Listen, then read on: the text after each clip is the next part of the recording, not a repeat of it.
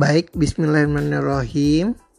Uh, jadi podcast ini membicarakan tentang hubungan antara riset dan bisnis. Untuk podcast kali ini saya akan dibantu oleh uh, istri saya yaitu Ibu Eka. Jadi pada intinya adalah beliau akan menanyakan sesuatu dan saya akan jawab gitu. Baik, silakan. Kenapa bisnis anak muda harus ada riset? Ya, bisnis anak muda itu uh, harus ada riset karena banyak anak muda uh, yang uh, mulai usahanya tuh uh, modalnya hanya uh, smart saja. Jadi karena mereka mikir ah uh, karena mungkin mereka uh, masih uh, ditanggung oleh orang tua ya. Jadi uh, keinginan untuk berbisnis itu kalaupun sekalipun bisnisnya itu nantinya nggak jalan itu akan eh, nggak uh, apa-apa karena modalnya adalah modal yang mereka minta dari orang tua mereka. Lain misalkan mis bila si orang ini memakai misalkan tabungan tabungan ya sendiri atau uh, pinjam dari teman gitu uh, uh, biasanya itu uh, dia itu akan lebih bertanggung jawab. Kenapa riset itu penting untuk bisnis?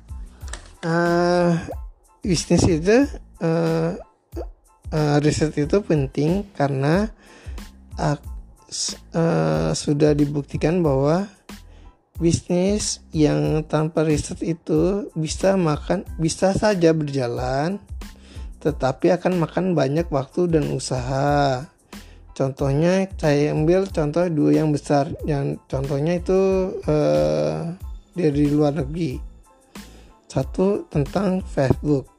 Kalau Facebook itu mulai dari tahun 2004 misalnya puncak-puncaknya itu adalah baru tahun di 2007-2008 sekarang itu eh, valuasi atau nilai perusahaannya 506 506,2 billion US dollar ya. Jadi itu uh, kan kalau dilihat dari uh, uh, apa perkembangannya 2004 2007 itu kan tidak sem kan makan waktu tiga tahun. Nah pada jangka waktu itu uh, adalah uh, saat saat krusial bagi sebuah perusahaan. Uh, uh, contohnya adalah ya tadi Facebook itu. Jadi dia itu uh, makan waktu tiga tahun. Nah selama waktu dari 2004 sampai 2007 itu kan berarti dia harus dalam tanda kutip bakar-bakar uang gitu. Jadi dia harus bertahan supaya dia bisa mencapai uh, uh, kesuksesan yang dia alami pada tahun 2007. Begitu juga dengan Apple. Apple itu berdiri tahun 1976 yang sekarang sampai 2020 masih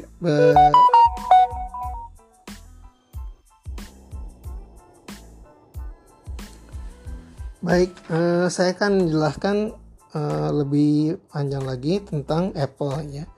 Suatu perusahaan elektronik, software uh, elektronik yang berdiri tahun 1976 yang dibidani oleh Steve Jobs Steve Jobs.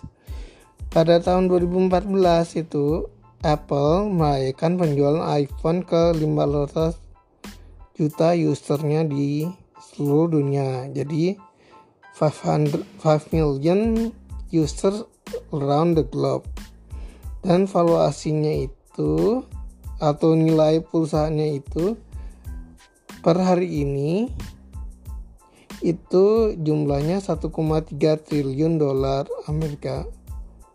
itu menurut investopedia.com ya berarti kalau dilihat dari sejarahnya itu makan waktu sekitar eh,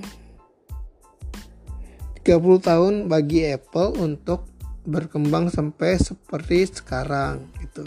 Ini kan uh, suatu apa perjalanan yang cukup panjang. Nah kita bisa memotong uh, apa waktu tersebut atau kurva pembelajaran tersebut sehingga kita bisa lebih cepat dalam uh, menjadi besarnya gitu. Uh, isi saya yaitu